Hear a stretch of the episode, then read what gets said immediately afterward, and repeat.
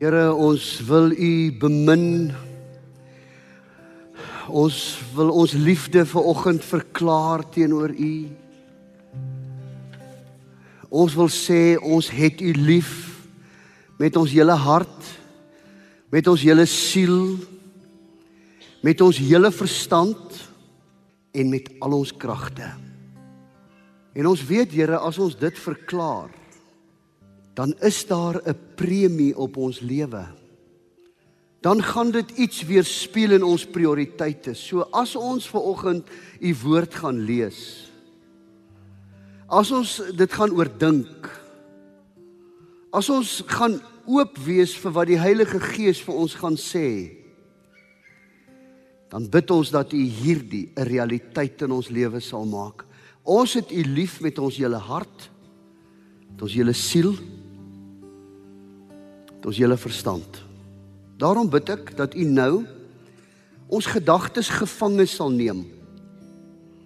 Help ons om die dinge te bedink wat daarbo is, sê die woord. Help ons om te dink wat goed en rein en lieflik en loflik is, sê Paulus in Filippense. So help ons om nou net oop te wees. Ook nou as ons ons lof en ons aanbidding gaan voortsit en ons gaan sê ons gaan eintlik vir onsself vra is dit wel met ons siele? Heilige Gees kom werk dinamies in ons harte vir oggend asseblief. Kom voer ons mee in u triomf tog o God. En kom staan by elke een van ons vir oggend stil Ons het U nodig soos nog nooit tevore nie. Daarom kan nie ek of enige prediker iets opwek in ons harte nie, maar U kan deur U Gees ons harte kom vul en kom volmaak en kom nuut maak en kom laat oorloop.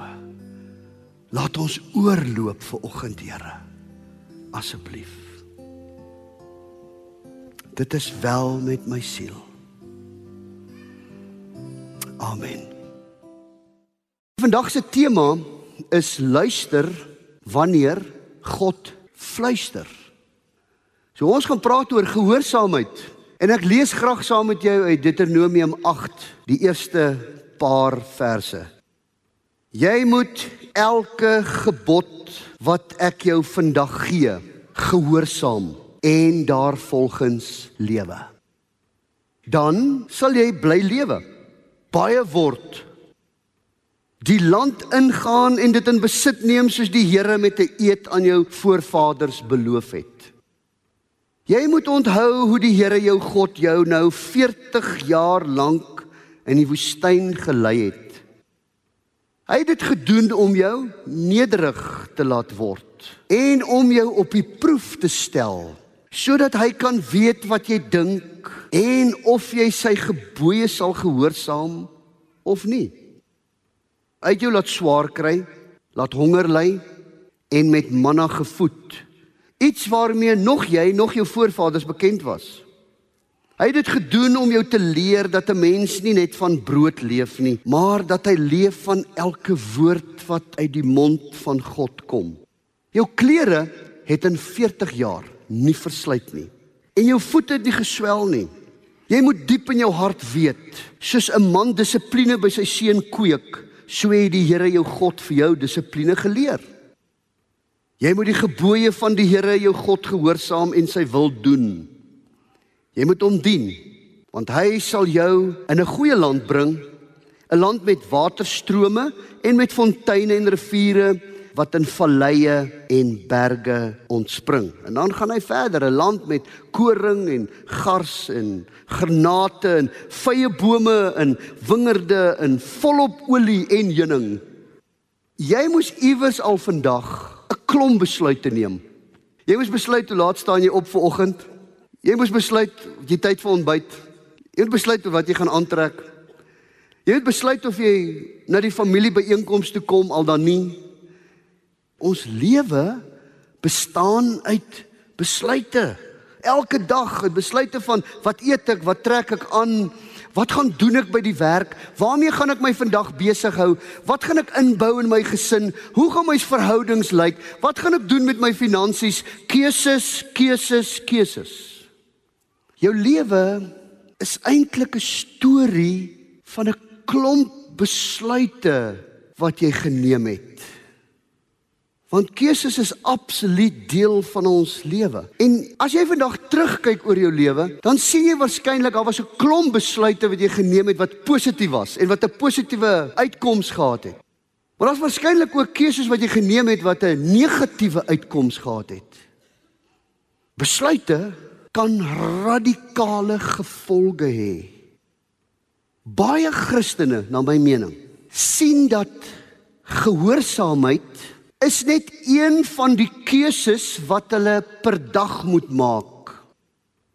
As ek sê ek is lief vir Jesus, is dit vir baie mense is gelyk aan net nog 'n keuse.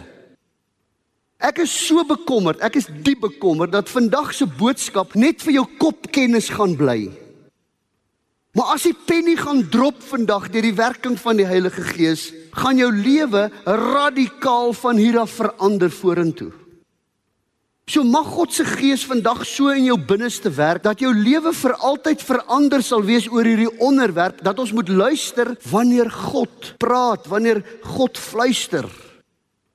Want jy sien, gehoorsaamheid is nie maar net 'n keuse of ek moet gaan golf speel vir oggend en of ek erediens toe moet kom nie, of ek saam met iemand wil gaan uit eet en of ek saam met my familie wil gaan bid nie. Gehoorsaamheid of 'n keuse is die reg om te besluit tussen twee sake. Dis my uitspreek ten gunste van een of die ander. Jy sien want as dit net 'n keuse is, dan kan ek besluit of ek lief wil wees vir Jesus of nie. Ek kan besluit of die prys te hoog is of nie. Ek dink nou maar net aan die ryk jong man wat vir Jesus gesê, wat Jesus, wat vir Jesus gesê, Here, ek wil ook graag saam met u koninkryk toe gaan. Wat moet ek doen? Toe sê hy, nee man, is eenvoudig. Om my te volg is baie eenvoudig. Gaan en verkoop al die goed wat jy het en volg my. Die prys was te hoog. So ek het nie net Jesus lief wanneer dit my pas nie. Ek het nie net Jesus lief wanneer dit die regte ding is om te doen of om te sê nie. Ek het nie net Jesus lief wanneer dit berekend is of wanneer ek gemaklik is nie. Wat is die primêre, die primêre kenmerk van iemand wat aan die muur van God bou, van iemand wat afgesonder vir God lewe, hagios, wat eenkant wat afgesonder vir God lewe. Wat wat is dit? Dit staan in Deuteronomium 6 vers 5. Jy moet die Here, jou God, lief hê met jou hele lewe, jou hele verstand en al jou kragte. Dis die primêre kenmerk van iemand wat sê ek het Jesus lief. Dis die basiese van Christen wees, vriende. Dis die ononderhandelbare lewensprioriteit hê my lief met jou ganse lewe. En dit veroorsaak dat gehoorsaamheid is 'n reaksie tot God. Gehoorsaamheid is 'n reaksie wanneer God met my praat. Gehoorsaamheid is nie iets wat ek aftik in 'n boksie nie. Dis nie 'n paar reëls nie. Gehoorsaamheid is nie opsioneel nie. Gehoorsaamheid is 'n opdrag. Dis wat vers 1 sê.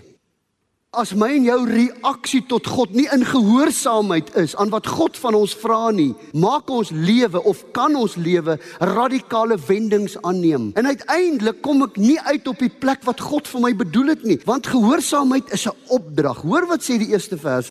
Daarom moet jy elke gebod wat ek jou vandag gee gehoorsaam. Moet jy. Nie miskien, nie as jy wil, nie as jy tyd het, as dit inpas by jou persoonlikheid. Elke ding wat ek vir jou sê, elke waarheid wat ek aan jou openbaar, moet jy gehoorsaam.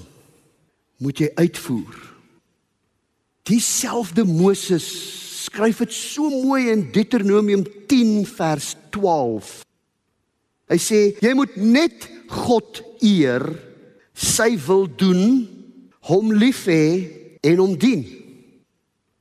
Daarom moet jy. In Johannes 14 vers 15 staan daar: As julle my liefhet, met ander woorde, as julle hierdie dominante prioriteitskenmerk in jou lewe eerbiedig, dat jy God moet lief hê met jou hele hart en jou hele siel en jou hele verstand en al jou krag. As julle my liefhet, as julle eenkant afgesonder vir my lewe, as julle die muur van God vir die gemeente wil bou, wat sê hy, sal julle my opdragte uitvoer. Sal. Gehoorsaamheid is nie opsioneel nie. Gehoorsaamheid is 'n opdrag wat direk van God afkom. Hoe meer jy God liefkry, hoe kry ons God meer lief? Deur meer met hom te praat. Hoe kry ek hierdie vrou meer lief? Deur meer van haar karakter agter te kom, deur meer te weet wie sy is, deur langer tyd met haar te spandeer, deur meer tyd met haar te spandeer, kry ek haar liewer en liewer en liewer. So hoe meer ek God liefkry, hoe meer ek tyd in sy woord spandeer, hoe meer ek by ander mense leer van hom, hoe meer ek in my klein groep met hom besig is, hoe liewer word ek vir hom en hoe meer gehoorsaam ek hom. Hoor nou mooi my liefde vir Jesus Christus en my gehoorsaamheid aan hom loop hand aan hand. As ek voortdurend ongehoorsaam is, gaan daar 'n vraagteken wees of jy Jesus regtig liefhet en of die waarheid in jou is, sê die skrif. Want gehoorsaamheid is 'n opdrag van God af. En baie van ons dink as God met jou gepraat het, is hy regtig hy nie. Is nie reg om dit te gehoorsaam nie. Weet ons waaragtig wat gehoorsaamheid beteken, broer en suster? Wat maak jy met die opdragte van God? Of sit jy die opdragte van God op 'n spyskaart en dan kyk jy wat vir jou sal werk? Byvoorbeeld, gewoonlik kies ons die maklike goed op die spyskaart, né?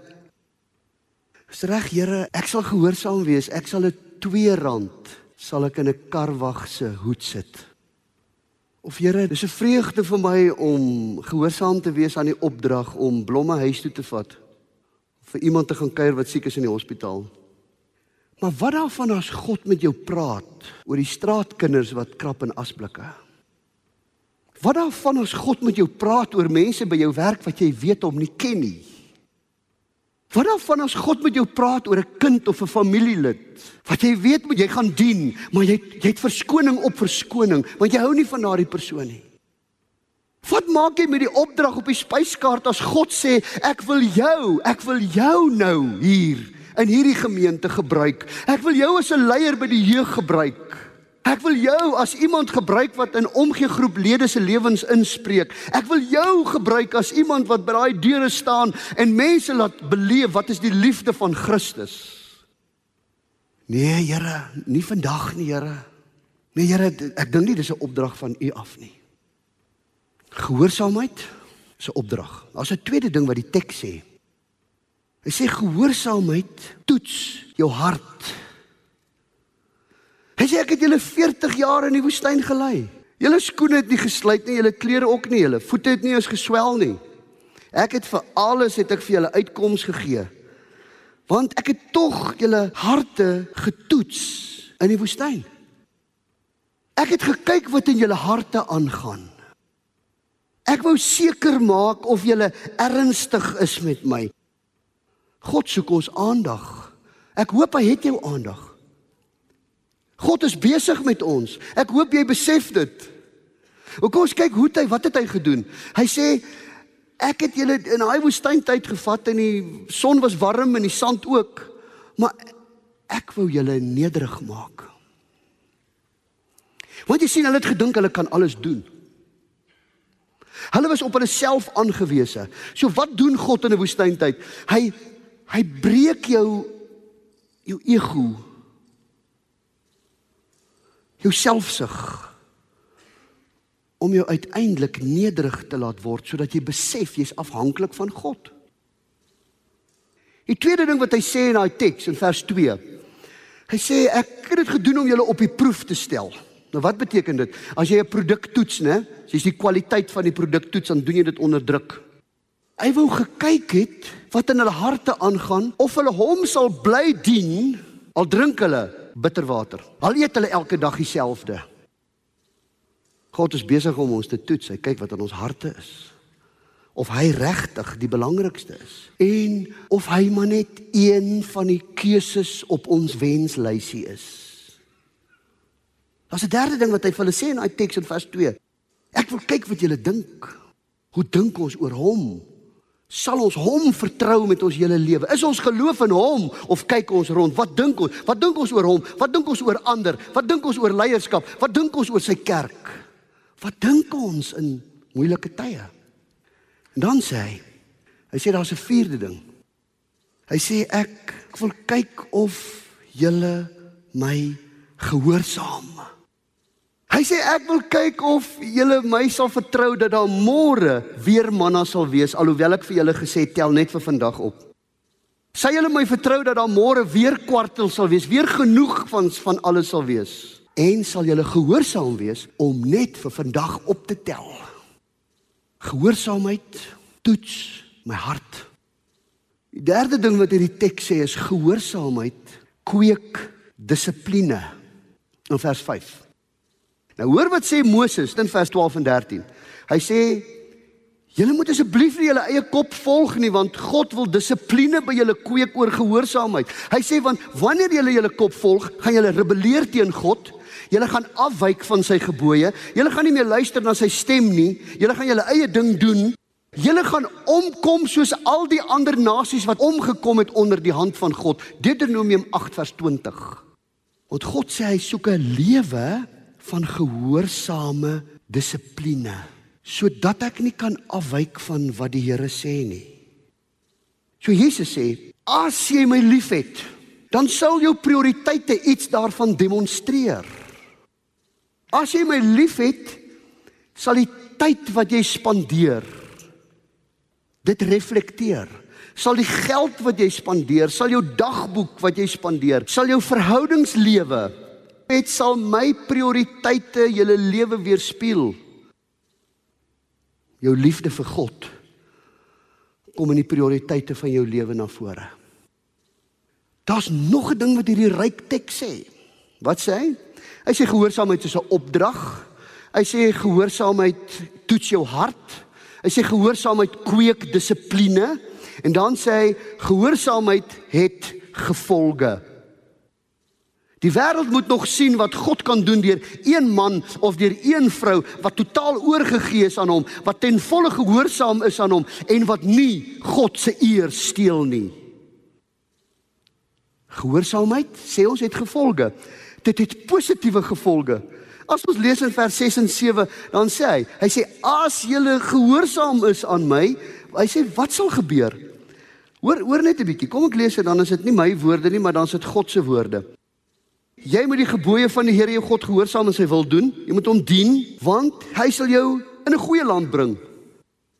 'n Land met waterstrome, met fonteine, met riviere, met valleie, met berge met koring en gars en wingerde en granate en heuning. Met ander woorde, hy sal hy sal 'n lewe van volheid gee. Daar sal oorgenoeg wees. Asof hy wil sê as jy my gehoorsaam is, sal jy nie sukkel nie want ek is die Here, jou God. So kom ons kyk 'n bietjie na gehoorsaamheid het gevolge, positiewe gevolge. Deuteronomium sê dit. Genesis sê dit ook. Genesis 12 sê God het vir Abraham gesê: "Abraham, jy bly nou hier in 'n wonderlike plek. Jy's in 'n gemaksone. Vat jou goed, my seun. Ek het 'n plan met jou. Vat jou goed en trek na onbekende land toe. Ek sal vir jou sê waar jy moet gaan bly, maar jy gaan dit nie nou weet nie. Ek sal dit later vir jou sê." Wat het gebeur?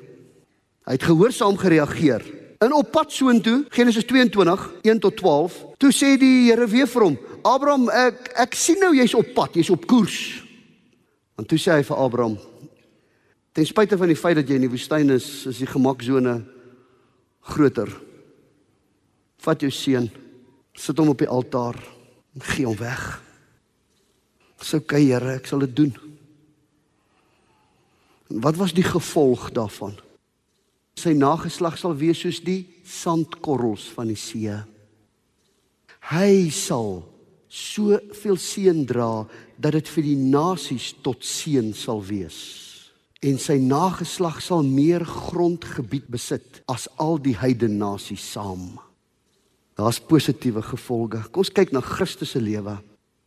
Christus sê hy was gehoorsaam tot in die dood. Filippense 2 vers 8. Hy het niks teruggehou nie. Christus het nie 'n halwe verbintenis gegee nie. Christus het nie halfhartig gehoorsaam nie.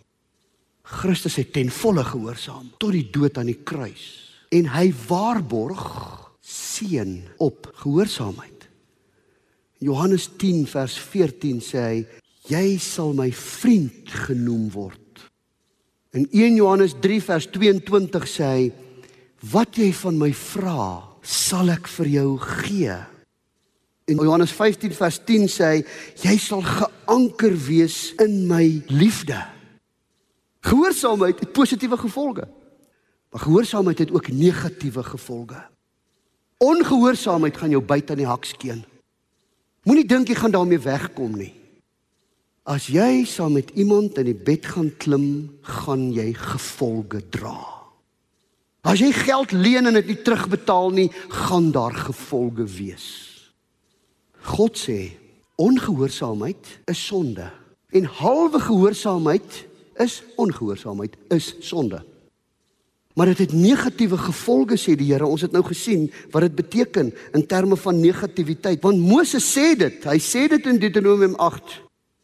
As dit nie gehoorsaam is nie, wat gaan gebeur? Julle gaan hardkoppig raak. Julle gaan wegdwaal. Julle gaan rebelleer. Julle gaan julle eie ding doen en uiteindelik gaan julle omkom in die woestyn vers 20. Net na Jesus se uh, opstanding. Toe sê hy vir sy disippels: gaan wag op die berg tot ek kom. En wat doen hulle? Ongeduldig. Dis nie nodig om dit te gehoorsaam nie. Dis baie keer hoe ons dink, né? Wat doen hulle? Hulle gaan af na Galilea toe en hulle gaan aan met hulle beroepe. En na 'n paar dae, toe Jesus by hulle aansluit, speel af in Johannes 21, toe sien hy mense wat besig is met hulle beroepe om vis te vang. En hy hoor hoe dobber hulle op die bootjie en hy hoor dat hulle vir mekaar sê, "Ons kry niks gevang nie. Ons het die hele nag probeer, Ons kry niks gevang nie. Totdat hy vir hulle sê gooi die net aan die ander kant uit. Wees gehoorsaam aan my en ek sal dit gee. Toe wil hy net skeur. Ongehoorsaamheid het gevolge. As ons kyk na Saul se lewe in 1 Samuel 15 dan sien ons Saul was ongehoorsaam. Hy wou sy eie ding doen. Hy wou nie wag nie. Hy wou nie wag om die offer te bring wat God vir hom gesê het hy moet bring nie. Hy het na waarsegster toe gegaan om te gaan hoor wat hy moet doen. Hy het gerebelleer teen God. En wat het dit hom gekos hierdie ongehoorsaamheid? Sy koningskap. 1 Samuel 15 vers 12. Ek lees 'n ding van die volk raak wat ek waarskynlik nog nooit raak gelees het nie. En dit staan in Sagaria, die 7de hoofstuk, 8 tot 14. Daar het gestaan die volk het nie geluister nie. Hulle het hulle nie gesteer aan die profete van die dag nie. Hulle het hulle eie kop gevolg en dan staan daar, wat het dit gedoen aan hulle gebede? In ander woorde, wanneer jy ongehoorsaam is, het dit 'n negatiewe gevolg in jou gebedslewe. Daar staan pertinent in vers 13: Hulle sal roep en ek sal nie luister nie. En wat was die resultaat van hulle ongehoorsaamheid? God het 'n rukwind gestuur en hy het hulle gewaai en hulle het onder vreemde volkere moes hulle gaan bly het. Hoor jy die ernstige gevolge van ongehoorsaamheid? Wil jy nie vandag die eerste tree gee om te sê Here, ek snap vandag gehoorsaamheid is nie noodwendig net 'n keuse en dis 'n opdrag. U sê ek moet dit doen en ek wil dit eerbiedig. Ek maak die keuse om dit te eerbiedig. Ek maak die keuse om te skuil onder die wolkkolom en onder die vuurkolom in 'n woestyntyd. En ek weier om enige iets te doen wat nie u goedkeuring wegdra nie. Here, ek wil nie afwyk van die gebooie nie. U sê ek moet alles gehoorsaam wat u sê. Ek wil nie hardkoppig wees nie. Ek wil nie my eie kop volg nie. Ek wil nie in opstand kom nie. Ek wil nie murmureer in die woestyn nie want ek wil ook nie 40 jaar in die woestyn bly nie. Waar staan jy in terme van jou gehoorsaamheid? Op watter gebiede van jou lewe besef jy moet jy gehoorsaam wees? Hoe lank praat die Here nou al met jou? om te kom sê Here, hier is ek. Gebruik my met my gawes. Neem jy jou kruis op en volg jy my of loop jy maar saam met al die ander skape in die rigting waarin hulle loop? Of is jy ernstig om te sê Here, Ek gaan die opdragte uitvoer. Want Here, die mense weet dat ek U liefhet. En ek wil hê dit moet 'n prioriteit in my lewe wees. Dit moet die prioriteit wees dat mense kan sien omdat ek U liefhet, sal ek U opdragte gehoorsaam. Hoekom is ons nie gehoorsaam nie? Ons ken nie die skrif nie. Daarom redeneer ons wanneer God met ons praat, dan redeneer ons en ons het verskonings en ons redeneer al om die waarheid tot binne in die sonde in. Ons redeneer die waarheid weg en is dan uit onkunde ongehoorsaam aan God. Ons sukkel om sy stem te hoor tussen al die warboel stemme wat rondom ons is. Ons sukkel om sy stem te hoor tussen TV en internet en Twitter en Facebook en Instagram en Zoom. En ons hoor nie dat dit God is wat met ons praat nie. En omdat ons onkundig is daarin. Hoekom is ons ongehoorsaam? Ons bring God se standaard af na ons standaard toe. Ons besluit wanneer dit sonde is en nie sonde nie. Ons besluit dis God wat praat en dis nie hy wat praat nie. Ons besluit dit pas in by my, dis gemaklik vir my en dis nie gemaklik vir my nie. Ons besluit hoe lief ons hom gaan hê uiteindelik. Bring God se standaard af. Hoekom is ons ongehoorsaam? Dis net eenvoudig nie belangrik vir ons wanneer God met ons praat nie. Ons heg net nie waarde daaraan nie. Ons besef nie dit gaan eintlik oor lewe en dood. En ons is net nie ingestel op sy wil nie. Hoekom is ons nog ongehoorsaam? Want die prys van gehoorsaamheid is soms vir ons te hoog. Want gehoorsaamheid kan beteken jy moet jou Isak op die altaar sit. Jy moet jou gemaksone verlaat. Jy moet totaal oorgegee wees sonder verskonings. 'n Sondagskoolonderwyser Edward Kimball Hy het moeite gedoen om nie net 'n klasie aan te bied nie. Maar hy het moeite gedoen om met elke kind in sy klasie te praat en seker te maak of daai kind vir Jesus ken en of hy 'n persoonlike verhouding met hom het. En so het hy een middag ingestap in 'n skoenmakerswinkel in Chicago. En hy het sy gesprek gehad met 'n 17-jarige seun. En hierdie 17-jarige seun het daai middag in sy oom se skoenmakerswinkel sy lewe vir God gegee. Hierdie seun se naam was D.L. Moody. Moody was so gedring om gehoorsaam te wees aan God. Uiteindelik het hy duisende mense vir God bereik, maar in een van sy dienste daar 'n man gesit en Moody het dieselfde boodskap gebring as wat sy mentor aan hom gebring het.